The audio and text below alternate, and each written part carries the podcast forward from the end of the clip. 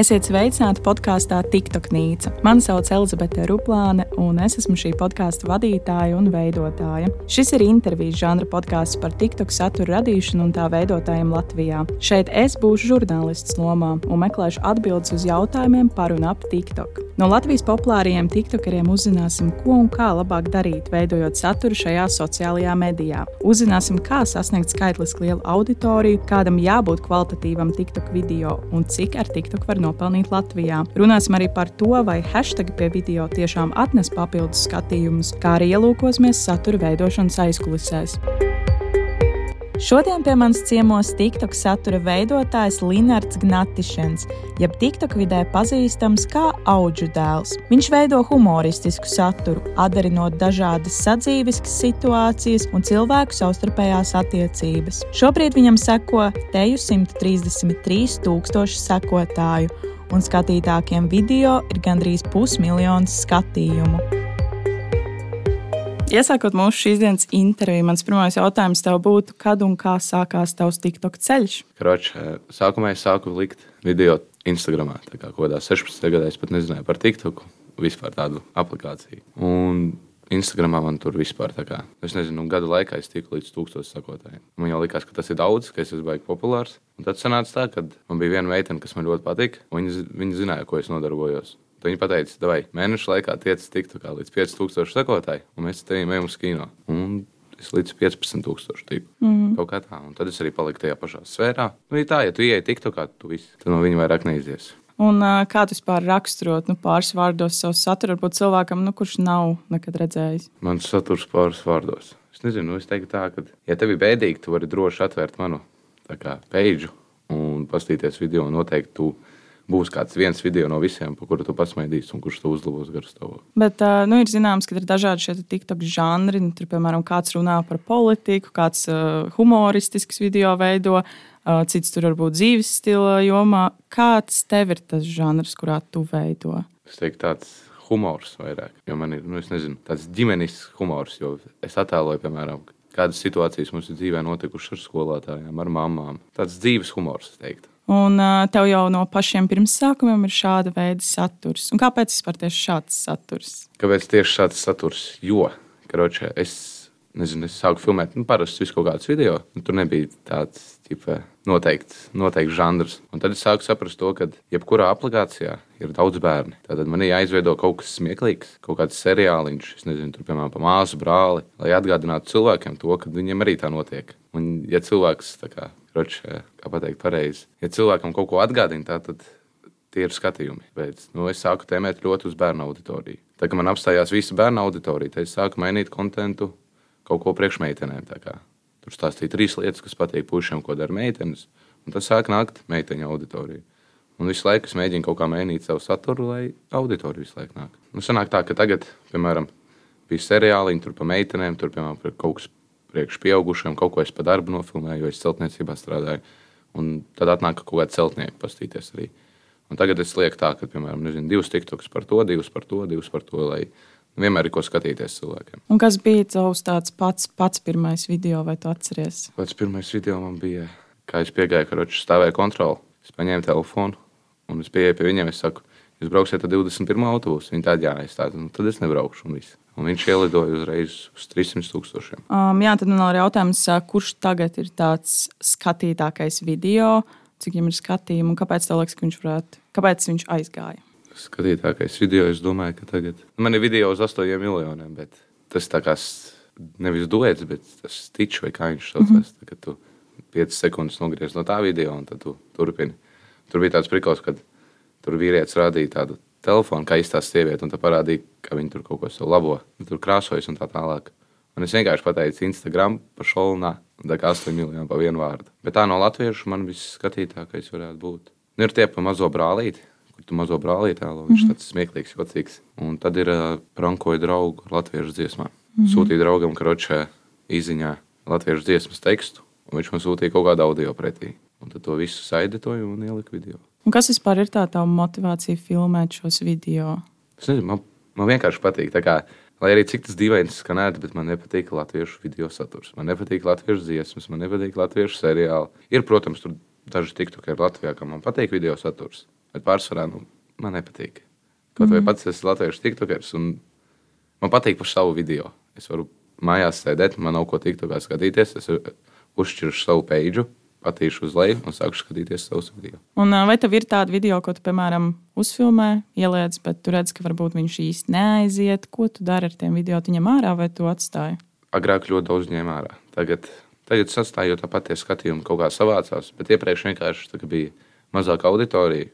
Un tev viss video, piemēram, ir 100, 000, 70, un tā vienkārši viens video 2000. Tas neizskatās tā kā vizuāli smuki. Un teicu, agrāk ņēmu ārā, bet tagad es vienmēr atstāju, jo nu, viņi līdz tiem 10, 12 tūkstošu skatījumus savā. Un kas vispār ir tādi svarīgākie faktori satura veidošanā, tavuprāt? Es nezinu, man liekas, ka pats galvenais ir veidot saturu, ja tu to pats gribi. Jo daudz tagad ir uzzinājuši to, ka TikTokā tur var pelnīt naudu, vai ne tur no reklāmām un tā. Un viņi nāk TikTokā tikai lai nopelnītu. Un es nezinu, man liekas, tā, ja tu, ja tu to dari no sirds, tad cilvēks redz, ka tu to dari. Tā kā tu dari pats to gribi, un viņš to piesakos, piemēram, atbalstīs tev, palīdzēs tev, tur komentēs kaut kādus video. Bet, ja cilvēks kā, ienāk tiktu kā pelnīt, viņš var sākumā rādīt to, ka viņam tas beigas patīk, bet agri vai vēlu kā, auditorija pamanīs to, ka viņš to nedara no sevis. Jā, ka viņš to dara vienkārši peļņai. Nu, jā. un, uh, kur tu vispār pats smēlies idejas saviem video? Ir dažreiz vienkārši tā, ka, es nezinu, mājās tu kaut ko dari, tu kaut kas, nezinu, nokrīt, piemēram, sašķīst. Es domāju, oh, Tātad, ja būtu tagad mamma, viņa man būtu sabārusi par to, ka man nezinu, tur rokas no pakaļ aug. Un, ja viņai būtu kaut kas nokritis, viņa būtu pateikusi, ka tas ir uz. Un tad kaut kā tā, dažreiz pierakstu to ideju. Bet, ja es esmu viņu pierakstījis, tad es pārsvarā viņu nenofilmēju. Es nezinu, kāpēc man tā ir. Man telefonā ir sarakstīts idejas, un neviens video nav nofilmēts. dažreiz ir tā, ka tu, piemēram, pamani citā valodā kaut kādu TikTok, un tu domā, o, tādā latviešu valodā tāds nav. Nu, kāpēc es nevarētu, piemēram, paņemt un pārtulkot? Ir cilvēki, kuri, protams, raksta un saka to, ka, oi, tu esi nozadzis ideju Bet nu, es saku, nu, kā, ja tev liekas tik vienkārši, tad nu, paņem un pārtulko pats mm. un izveido. Es uzskatu, ka es esmu tiktu kā, kā aktieris. Ka TikToks vien ir liela filma, kurā es esmu vienkārši aktieris. Man ir kaut kāds scenārijs dažreiz, dažreiz es pats izdomāju. Visu, un es vienkārši attēloju. Vai, piemēram, par šo tehnisko pusi, tieši filmēšanu, montēšanu, vai ir kaut kas tāds, ko tu esi, nu, piemēram, iemācījies klāt? Nu, kad tu sāki, es pieļauju, ka ir, ir varbūt kaut kādas lietas, ko tu nezināji. Nu, es sapratu to, ka noteikti vajag gaismu. Tas ir noteikti. Es, piemēram, līdz kaut kādiem 60,000 sekotājiem man nebija gaisma. Es ķēru, es braucu mājās no darba, un man bija stunda. No 5 līdz 6, kamēr ir gaišs, es liku telefonu pret logu un filmēju TikToks. Uzfilmēju trīs video, ieliku visu. Un kas vispār vēl ir tās lietas, ko tu ieteiktu jaunam satura veidotājam, kurš vēlas veidot uh, TikTokus? Nu, es ieteiktu no, noteikti, noteikti uzreiz nopirkt gaismu. Tas ir pats svarīgākais. Lai tos, lai tos video izteiks tāds smukāks, labāks, apgaismotāks noteikti tev ir vajadzīgs telefons. Un pašam tā griba, tā kā tev ir jākaifo no tā, ko tu veido. Tev vienkārši jāpatīk. Kā es saku, dari to, kas tev patīk, un nedari to, kas tev nepatīk. Noteikti tev viss izdosies. Vai tev ir bijuši, piemēram, kādi video, ko TikToks tev ir noņēmis, vai izteicis kādu brīdinājumu, un kāpēc? Uh, jā, man ir bijis tā, ka nezinu, man ir uz maikus, kuras ir uzzīmēts nazis, un TikToks ir padomājis to, ka, ka tas ir īsts nazis. Es apdraudu cilvēku kaut kādu drošību. Un viņš paņem nobloķēja. Kaut kad nesen, nezinu, varbūt mēnesi atpakaļ, man nobloķēja video, kurš bija ielikts 2020. gadā. Mēs tur kāpām turnī, un tad viņš pēc diviem, trīs gadiem viņš uzmet to, ka tas nav droši. Cik tev sanāks par vienā reizē nofilmēt video?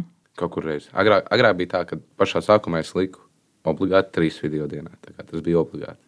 Visu mēnesi, tad 90 video mēnesī sanāca. Es liku iekšā. Tagad, nu tā, nu, ja kaut kāda ideja iestāsta tāda rīktīga, tad es varu ielikt. Jo man vairāk nav tas TikTok laiks, kad es varu likt pilnīgi jebko. Jo man tagad ir lielāka auditorija, man jāsaprot to, ka man vajag izveidot kvalitatīvāku saturu. Aug auditorija, aug atbildība. Un, kāda ir varbūt tāda tava lielākā izgāšanās vai kāds smieklīgs atgadījums, par ko tu vari pastāstīt saistībā ar TikTok? Lielākais, nezinu, izgāšanās man liekas, ir tas, ka es piekrītu aiziet pie, uz interviju vienu. Man bija TV netā intervija. Tur notika tāda lieta, kad Nu, viņi man uzdeva jautājumus par TikTok, un viņi prasīja, kā strādā TikTok laiva, kā strādā vispār tās dāvanas. Un es viņiem saku to, ka cilvēks nomet dāvanu, 70% no tās dāvanas summas iekasē TikToks. Un viņi to tieši to daļu nebija ielikuši intervijā, tā kā video fonā, bet uzraksts bija, mani TikToks apzogus 70%. Un man bija tāds, un tu uzspied uz tās intervijas, un tur vispār nav tas teikums, kurus es teicu kā strādā dāvanas. Ir vienkārši izveidots nosaukums. Un, kāds ir bijis tavs tāds lielākais izaicinājums TikTok filmēšanas laikā, TikTok karjeras laikā, ja tā var teikt? Vislielākās grūtības bija tad, kad, tad, kad es sāku sadarboties ar Latvijas Futbola Federāciju. Man vajadzēja pie viņiem uzfilmēt ielu intervijas. Bija nenormāli grūti tas, ka tu, tu nezini, kā pieiet pie cilvēka. Tev jau jākontrolē savs operators, kad viņam filmēt, kad viņam nefilmēt. Tu jau pienāc pie cilvēka, kāds tev pasūta, tad tev vēl vairāk viss nostās, viss tā gribēšana. Bet nu, kaut kā, kaut kā man tur divas video tāpat sanāca uzfilmēt. Runājot tālāk par algoritmiem un uh, ar to visu saistīto, kāda ir tā izpratne par TikTok algoritmiem un jā, vai tu seko kaut kam līdzi saistībā ar to, kas mainās? Nu, es teiktu tā, ka, ja tu, ti, ja tu tici un tu domā to, ka tu zini visu par TikTok algoritmiem, tad tu noteikti esi stulbs. Kā, nu, TikTok algoritms, tas, kas, tas cilvēks, kurš ir izveidojis TikTok algoritmu, es teikšu tā, ka viņš ir reāli leģenda, jo tu vari uzfilmēt nenormāli kvalitatīvu video, tev viņš var nenormāli labi patikt. Bet tu viņu ieliksi, un viņš dabūs, piemēram, tūkstošu skatījumus tur pa stundu. Tu vari uzfilmēt, nezinu, tur pateikt, kaut kādā sēdēt kaut kādā, nezinu, restorānā vai ne. Tur rīktīgi garšīgs ēdiens būtu, tu vari pateikt, pavār, nāc man izcep par to, ka tu esi izveidojis tik garšīgu ēdienu. Viss, nezinu, tur stundas laikā 20 tūkstoši skatījumu. TikTok algoritmus nevar saprast. Jā, man uh, iepriekšējā satura veidotāja intervijās teica, ka pēdējā laikā ir pamanījuši, ka kaut kas ļoti ir pamainījies. Un, uh, nu, ka tie video varbūt tā neaiziet, kā iepriekš aizgāja. Vai tu pats arī to esi pamanījis uz saviem video? Mm, es teiktu, tā, ka ir vienkārši parādījusies lielāka konkurence. Visi domā, ka kaut kas mainās ar tieši ar TikTok algoritmiem, bet ar katru dienu TikTokā paliek vairāk cilvēku. Tāpat, viņi, tāpat arī Latvijā katru dienu es nezinu, izveidojis kaut kāds jauns video satura veidotājs, varbūt tāds nopietns, kurš vēlāk izaugs vēl lielāks. Tāpēc rodas konkurence. Cilvēkiem, kā man pašā sākumā, es atnācu uz TikTok, tur bija Undiksona, Bēgais Nezvērs, tur Nexoid, Squad persona un es. Mēs bijām pieci cilvēki, tādi jaunieši, kas kaut ko filmē. Tātad jauniešiem bija skatīties tikai mūsu pieci. Tagad ir konta veidotāji nenormāli daudz. Un, vai tu esi tas satura veidotājs, kurš vairāk izplāno un aprēķina, ko liks TikTokā, vai tomēr tu improvizē? Pilnīgi improvizācija. Es saku, man tā kā visu, visi tiktokeri, kurus es pazīstu, viņiem ir drafti, viņiem ir saglabāti veci kaut kādi video, kuri nav ielikt nekur, kur viņiem ir sagatavoti tur tajā, tajā dienā ielikt. Man nav, man ir vienkārši telefons, ieslēdzas kamera, ja vajag kaut kādu, nezinu, seriālu uzfilmēt, tad mājās pārģērbos vairākas reizes, uzfilmēju un viss. Un runājot par tiem algoritmiem, kā tev šķiet, vai šī auditorijas iesaiste, tur laiki un komentāri palīdz vispār skatījumiem? Un kāda ir tava auditorija? Vai viņi ir tādi aktīvi un vai viņi aktīvi komentē? Nu, es domāju, ka jā. Nu, tik, kā, es zinu, piemēram, kā strādā laivs. Piemēram, ja tu laivā, tava auditorija spiež sirsniņas. Viņi, viņi man vairākas reizes jautājuši, kāpēc mēs spiežam vispār sirsniņas, ja viņas neko nedod. Bet viņas dod, tu spiedz sirsniņas, piemēram, tos laivs izmetās pirmajiem simts cilvēkiem. Un tad TikTok skatās no tiem simts cilvēkiem, piemēram, cik procents liels spiež sirsnīgs, cik tavs laiks ir interesants. Tur raksta komentārus vēl. Un tad, ja viņš redz to, ka nezinu, tur vairāk kā puses spiež sirsnīgs un raksta komentārus, tad viņš iebīd uz vēl lielāku auditoriju. Un tā, un tā visu laiku tā notiek. Mm. notiek, notiek un... Un, kā vispār ir piemēram ar šiem hashtagiem pie video, vai tu liec hashtags un kāpēc? Es lieku hashtags, bet es varu pateikt tā, ka es viņus lieku tikai tāpēc, ka man draugs tā darīja. Tad man bija tāds, ka, ah, es ienācu TikTokā, viņam bija 10,000 sekotāji, bet tagad viņš vairāk nefilmē nekādus TikToks, neko. Un viņš lika hashtagus, es domāju, ķipa, lai kaut tas palīdz, ķipa, kaut kā.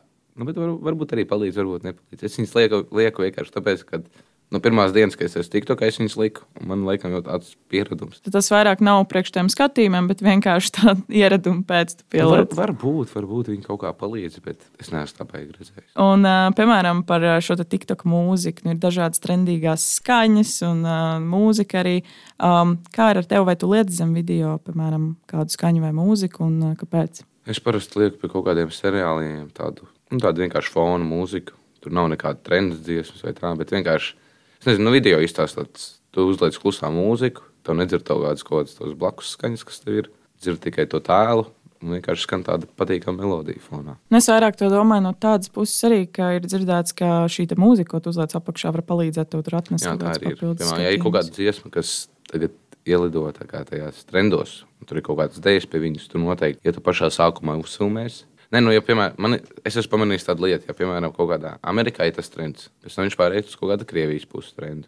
Un kamēr tas trends nav sācies Latvijā, un tu jau esi viņu redzējis Amerikā, tu nevari filmēt to video, jo viņš neielidos. Es nezinu, mm. nu, es esmu tā pamanījis to, ka visi trendi paiet, tad parādās Latvijā, tas sāk viņu latviešu filmēt, tad starp latviešiem tas video kaut kā paceļos skatījumos un viss. Un, kā tev šķiet, vispār, vai tāda regulāra satura publicēšana ietekmē šos Tas skatījumus? noteikti. Jo ir analistika, kur tev rādās, nezinu, nedēļā, cik tev ir skatījumi. Un, ja tu neliec video, tad tā analistika krīt. Par ļubumu TikTok algoritms domā to, ka tavs profils jau paliek neaktīvs. Tātad tavs nākamos video viņš neizbīdīs tik tālu. Tāpēc vajag noteikti katru dienu vismaz ielikt vienu video. Tā, tālāk mēs parunāsim nedaudz par auditorijas tendencēm, par tavu auditoriju. Uh, es pieļauju, ka tu noteikti esi sekojis līdzi, uh, kas tev sako, kādi ir šie procentuāli, piemēram, sievietes, vīrieši. Uh, Jā, varbūt tur padalīties, kā tev tur izskatās. Nu, tā man izskatās tā, ka man 43% seko vīrieši un 57% man seko sievietes. Un vislielākais daudzums man seko no 18 līdz 24 gadu vecuma. Nu, noteikti tajā 18 robežā ir arī 15, tur 13. Mm. Un no Latvijas man seko 89%. Tad Nu, man ir tā- tas viens video uz 8 miljoniem. Un, no, no tā video pienācis nezinu, varbūt 15,000. Un, kā vispār ir, vai tava auditorija, piemēram, mēdz iekomentēt, nu, ka prasa tev konkrēts video uzfilmēt? Man ļoti daudz laivos raksta. Man prasa, kad būs video, piemēram, nezinu, par, par māmu, par omīti vai vēl par ko. Bet man ir tā, ka vissliktākais, ko tu vari darīt, ja tu sāksi klausīt savu auditoriju. Kā tu sāki strādāt uz auditoriju, un tu nedarīsi to no sevis. Tas ir vissliktākais. Man vienā brīdī bija tā, ka es sāku klausīt auditoriju. Viņi teica, man vajag šito video, man vajag šito video. Un tad, tad vienkārši tu, es nezinu, sajūtos rīktīgi stulbi, jo es sāku darīt to, ka man vienkārši vajadzēja to darīt. Nevis tāpēc, mm. ka es to pats gribēju, bet vienkārši kāds to gribēja, lai es to izdaru. Un, piemēram, arī par tiem komentāriem runājot, nu, es pieļauju, ka gan jau ir arī šie negatīvie komentāri, ka gan jau kāds kaut ko iekomentē. Tam līdzīgi, jā, tā kā par ko varbūt tie visbiežāk ir, un vai tu, nu, kā tu vispār attiecies pret negatīviem komentāriem? Nu, man ir tā, ka man ir paveicies. Es nezinu, man ir ļoti maz hateru. Tā kā nu, nenormāli. Nu, es nezinu, nu, es tiktu kā nelamājos, es nestrīdos ar nevienu. Man tāda atbildības sajūta, jo es saprotu to, ka ir vismaz viens bērns no visas manas auditorijas, kurš no maniem ņem piemēru. Es varu ikdienas dzīvē tur ar draugiem iet, tur nolamāties vēl kaut ko, bet internetā es to neizdarīšu nekad. Par tiem komentāriem es nezinu, nu, pārsvarā ir tā, ka zem video nu, var uzrakstīt, ja, oi, tu esi nošpekojis šo ideju vai vēl kaut ko tur vai slikts video. Man bijis tā, ka man uzraksta rīktīgi garu komentāru, tur nenormāli no A līdz Z, man karoči, ar sūdiem aplēja. Un es, es uzspiežu uz to profilu, skatos, o, cilvēkam ir Instagram pievienots. Es domāju, o, ideāli, es viņam uzrakstīšu. Es viņam noskrīnoju to komentāru un uzrakstu, klausies.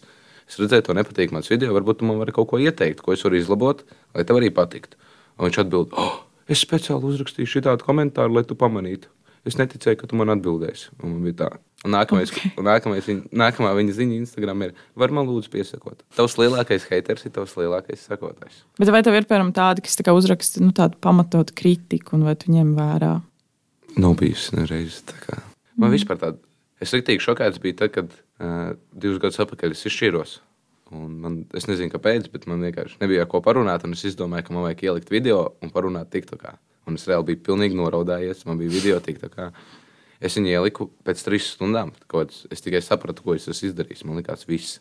Tā kā, tur ir nenormāli negatīvisms. To, ka, nu, iedomājieties, tā kā mums Latvijā nav pieņemts, ka puisis var raudāt. Un, ķipa, man liekas, viss sūdi. Tā kā Es ietu TikTokā, tam video jau ir pāris simt tūkstoši skatījumiem pa trīs stundām. Un es vienkārši lasu komentārus, un tur ir nenormāli liels atbalsts. Man, man Instagramā man zvanīja citi TikTokeri, teica, nomierinies, viss būs labi, laiks tev palīdzēs. Un, kā, tieši tajā dienā es sapratu to, ka nu, tur cilvēkiem ir reāli, ja tev kaut kas notiek, viņi tevi ir gatavi atbalstīt. Cik ātri tu vispār savāci to sakotāju skaitu, kas tev pašlaik ir, un kā tas notika? Tā kā, nu, tādā ziņā, vai bija kāda diena, kad tu pamodies no rīta un tev bija pienākuši klāt tur ļoti daudz tūkstoši? Tā bija tā, ka rač, nu, sākumā man bija tā riktīgā motivācija aiziet uz to kino. Un tas, ka, es nebiju, tas, ka nebija ļoti liela konkurence, bija viegli nezinu, tos sekotājus dabūt.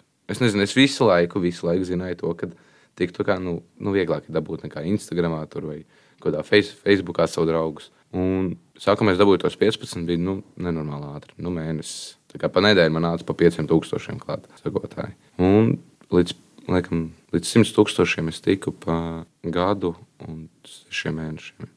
Tūlīt augustā būs 3 gadi, kā es esmu TikTokā. Pa pēdējo pusotru gadu es esmu ticis tikai 30,000 plus. Jo man, man notika pārdegums. Tā kā tu vienkārši man negribējās atvērt TikTok. Es biju izdevies visu TikTok no savas.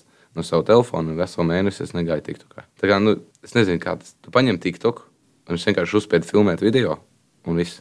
Un es negribēju neko domāt, negribēju neko filmēt. Viena galvas puse tev domā, ka vajag to darīt. Otra galvas puse saka, to, ka dotajā brīdī to nevajag darīt. Nu jā, kad vairāk nav tā enerģija, varbūt Jā, brīdī. un tad man pie tiem 100 tūkstošiem viss tā motivācija pazuda, jo man bija mērķis dabūt 100 tūkstošus, un līdz viņiem es tiku ļoti ātri.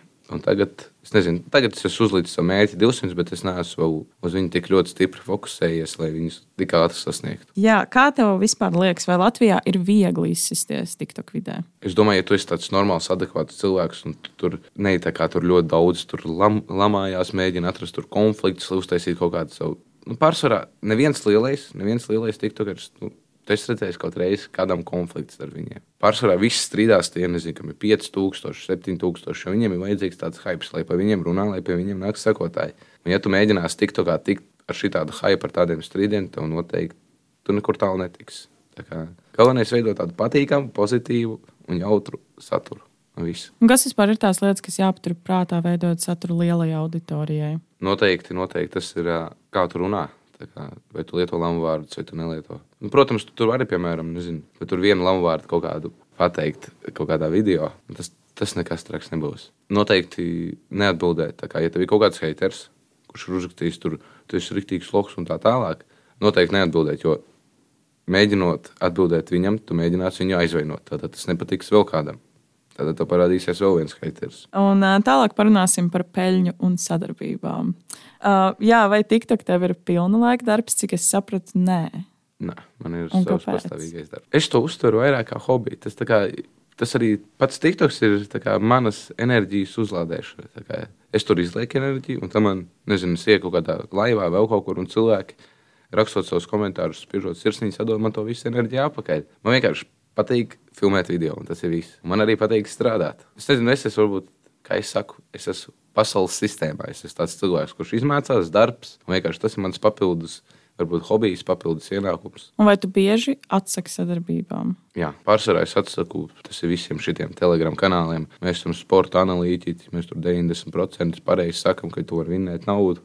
Mm, tas ir, tā ir cilvēka apčakarēšana. Un es, es nezinu, nu, piemēram, ja kaut kādā precē es arī nezinu, kas viņa tāda ir, un man viņa nepatīk, es noteikti viņu atteikšu. Un vai tev ir bijusi kāda neveiksmīga sadarbība? Un, eh, nu, nesakot, piemēram, ar ko viņa bija. Bet, nu, tā Man ir bijis tā, vienkārši- ka es izveidoju video, es viņu publicēju, un man viņš nepatīk. Un es, es, uzrakstu, es uzrakstu tiem cilvēkiem, es uzrakstu uzņēmumam, es saku, man nepatīk video formāts. Es zinu, ka jums, ir apmierināts, varbūt jums patīk, bet personīgi man nepatīk. Un es esmu gatavs pārfilmēt jums vienu papildus reklāmu bezmaksas, tikai tādu, kas man pašam patiks. Es nezinu, ne, neveiksmīgi var teikt tikai tā, ka nu, par otru reklāmu es nesaņēmu naudu. Bet vienkārši man nepatīk pirmais video. Nu Jā, un tā kā es esmu dzirdējis, protams, to, ka var arī nopelnīt ar šīm tiešraidēm. Tu jau minēji kaut ko pirms tam. Uh, tad, jā, varbūt tu vari vēlreiz tā sīkāk izstāstīt, kā tas tieši notiek cilvēkiem, kas varbūt vispār nezina. Kā notiek ar tiešraidēm? Ir tā, ka tu esi tiešraidē, un ja cilvēks grib tevi atbalstīt, nezinu, tavu profilu atbalstīt, tevi, tev kaut kā palīdzēt, viņš met tev dāvanas. Un tagad, ja, protams, caur TikTok tur vairāk neviens dāvanas nepērk, jo tur tās monētas. Mm -hmm. Bet tās monētas ir nenormāli dārgas. Tagad TikTokā tur ir uh, viens pret trīs. Ir speciāla aplikācija, no kuriem pērk viens pret viens. Un tad sanāk, es nezinu, cilvēks tev atsūta, piemēram, 100 koinus. vai ne? Un tu 100 koini, tas ir uh, cik viens eiro. Un tu dabū no tiem 100 koiniem, tu dabū tikai 50 koinus. Tā kā uz pusi mazāk. Vai tu pats taisi laivus? Un kāpēc? Jā, es taisu laivus. Tāpēc, ka pirmkārt, tu nenormāli vari parunāt ar savu auditoriju, tu vari viņus iepazīt. Un ir cilvēki, piemēram, kurus es esmu iepazinis laivos, viņi man ir moderatori, es viņiem esmu dzīvē saticies. Tā kā rīktīgi prikulīgi cilvēki. Es nezinu, nu, laivs ir tā, lai tu vari, jo cilvēks video redz tevi savādāk. Laivā viņš tev redz pilnīgi savādāk. Viņš zina, viņš nezina, tu viņam pastāsti, kā tev dzīvē iet, kas ar tevi ir noticis, ko tu esi iepriekš darījis. Es nu, Priekš maniem laivs ir, lai cilvēks var iepazīt mani. Un es varu, piemēram, uzaicināt kādu citu tiktokeru parunāties. Un tad cilvēkiem vienkārši ir ko skatīties. Kā es viņiem saku, man ir, piemēram, noteikti, laiva man ir tā noteikti. Piemēram, es filmēju tur, nezinu, astoņ, no 8 līdz 10 vakarā. Un es saku saviem cilvēkiem, nu, tas ir tāpat kā priekš jūsu mamām, tur bez tabūna un degpunkts. Ja jūs negribat skatīties bez tabūna un degpunkta, skatieties mani un viss. Un cik aptuveni TikTok satura veidotājs var nopelnīt mēnesī? Ar sadarbībām, es nezinu, kā kurš atkarībā no kuram ir cena. Es zinu, es zinu vairākus influencerus, kuri ir daudz mazāki auditorijā par maniem, bet viņiem reklāmas cena ir četras lielāka. Tas atkarībā no tā, cik tu pats uzliec savu reklāmas cenu. Ir integrācija, ir reklāma. Integrācija ir, eh, kad tu parādi produktu video fonā, bet tu par viņu nerunā. vienkārši nezinu, piemēram, kāds rekušītis Neptūns būtu, un es viņu vienkārši padzertos fonā un pa viņu nerunātu. Tā būtu integrācija. Reklāmu būtu, ja, piemēram, es teiktu, draugi mīļie, man tur ir reku sadarbība ar Neptūnu, un ne, gribu jums piedāvāt tādu ūdeni, un, un kraču pa viņu mm. visu būtu pastāstījis. Tā būtu reklāma, tā uzreiz ir cita summa, un ir vēl citas summas, tā, kad tu filmējies viņu profilā. Viņu profilā nofilmēties ir lētāk nekā ielikt video manā profilā. Mm. Un ir, ir arī komplekti. Piemēram, viena reklāma, ja man pasūtīs viena reklāma, viņai būs cena noteikti dārgāka. Ja pasūtīs desmit, vienas reklāmas cena būs lētāka. Un visas tos reklāmas cenas ir pilnīgi bez nodokļa. Jo nu, daudzi reklāmu devēji to maksā aploksnē, jo viņi negrib nodokļus maksāt. Bet, ja grib maksāt oficiāli, tad tiem uzņēmējiem vajag visu nodokli sekt. Tālāk parunāsim par konkurenci un vispār TikTok vidi. Vai tu izjūti konkurenci TikTok vidē? Sākumā rīktīgi. Tagad sāku veidot, man, man bija tā, ka es vienmēr liku vienu TikToku priekšā sev, kuram bija šī vairāk sekotāji nekā man, piemēram, pa 10, 20 tūkstoši. Man bija tāds, man viņš jānoķer. Tā kā man viņš ir jānoķer. Un, nezinu, tagad tika līdz simts viss. Tā kā man tā visa konkurence, viss tas pazūd. Man ir tā, es to daru sevis priekam. Es arī gribēju prasīt, kuru tu tagad gribi noķert. Nu, tagad ir viena meitene, man tikai tā kā latviešu auditorijā priekšā, tā ir Undiksona. Nu, bet viņa ir cik? Septiņus gadus TikTokā. Uh, ņemot vērā, ka jūs arī daudzus aicināt, es pieļauju uz vieniem tiem pašiem pasākumiem. Uh, Man nekur neaicina. tā kā, lai arī cik tas dīvaini skatāt, es esmu kā, viens no top TikTokeriem Latvijā. Bet Visi pārējie tiktokeri domā, ka es esmu nenormāli iedobīgs. To, ka... Nā, ka tu vienkārši nenāc uz tiem pasākumiem. Nevis tā, ka nenāk, bet viņi, nu, man dažreiz ir tādi piedūrīgi video, kad viņi pat joks nesaprot. Es nezinu, viņiem liekas to, ka nu, tas, ir, tas video ir vairāk kā piedūrietis, mm. jau pasmieties. Bet viņi visi apvainojas. Man, man liekas tā, ka tie visi pārējie tiktokeri, nu, viņi tādi, ķipa, tā kā pilsētas cilvēki, tādi glauni un tā. Mm. Bet es esmu tāds rajona puisis. Es, nu, es 18 gados, pirms man bija tiktoks, Tā kā es biju pavisam cits cilvēks. Es esmu bijis pāraudzināšanas iestādēs. Es esmu, nu, kā, mana bērnība ir bijusi nenormāli slikta. Varbūt man kaut kur, nezinu, iekšā vēl tas rajona puisītis ir palicis. Un tāpēc es nezinu, varbūt. Nu, nu, citi tiktu, kad viņi tādi tādi. Un kādas pār ir tavi nākotnes plāni un mērķi attiecībā uz TikTok? Viens ir tas, ka tu labprāt sasniegtu šos 200 tūkstošus.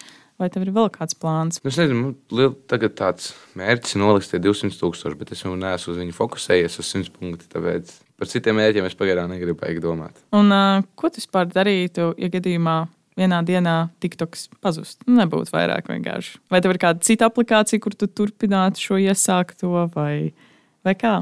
Ir ļoti interesants jautājums. Es, es esmu par to domājis, bet es nekad neesmu izdomājis līdz galam, ko es varētu tālāk darīt. Jo priekš maniem TikToks ir tā, kā es jau esmu pie viņa pieredzējis, es zinu, kā tur filmēt, kā to visu tur izdarīt. Bet noteikti, noteikti, ka es domāju, ja pazūs TikToks, tad noteikti atdzīvotos kāda cita aplikācija. Tā kā. Tālāk mēs parunāsim par to, kādām vispār īpašībām tavuprāt būtu jāpiemīt cilvēkam, kas vēlas veidot šos TikTok video. Jo, nu, manuprāt, ir jābūt kādai harizmai vai kaut kam tam līdzīgam, tev ir jābūt tādam, varbūt, enerģiskākam, kā tu teici, varbūt pozitīvākam.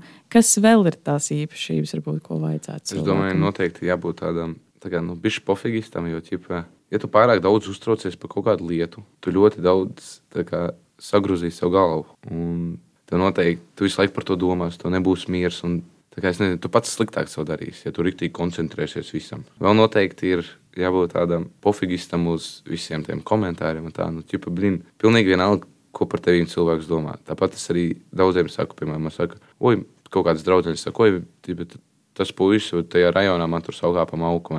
Es saku, tā pilnīgi vienalga. Viņi saka, kā vienalga. Viņi man apsaukā. Es saku, nu, viņi parunās par tevi divas, trīs nedēļas. Nevienam cilvēkam tava dzīve neinteresēs. Nevienam cilvēkam neinteresē citu dzīvi vairāk kā savu. Un kas vispār ir tā biežākā kļūda, ko tavuprāt jaunie satura veidotāji pieļauj?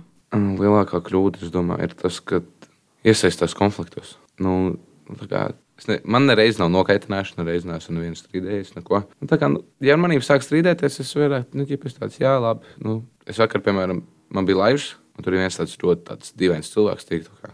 Un viņš man uz sākuma rīktīgi apskaudīja, pēc tam man arī normāli runāja. Tad es saviem sekotājiem stāstīju to, ka es rītdien došos pie tevis parunāties par TikTok. Un tad viņš man tur sāka to, ka es neko par TikTok nezinu. Tā tālāk man bija tāds, jā, es paņēmu uz lapiņas, uzrakstīju, es nezinu neko par TikTok un rādīju šajā ekrānā visu laiku. Tā kā, ja, ja sāk par maniem kaut ko sliktu teikt, es mēģinu to pārvērst kā joku, kā piedodiet, mm. lai ir smieklīgi. Un, uh, ko tev kopumā ir devusi šī pieredze TikTokā?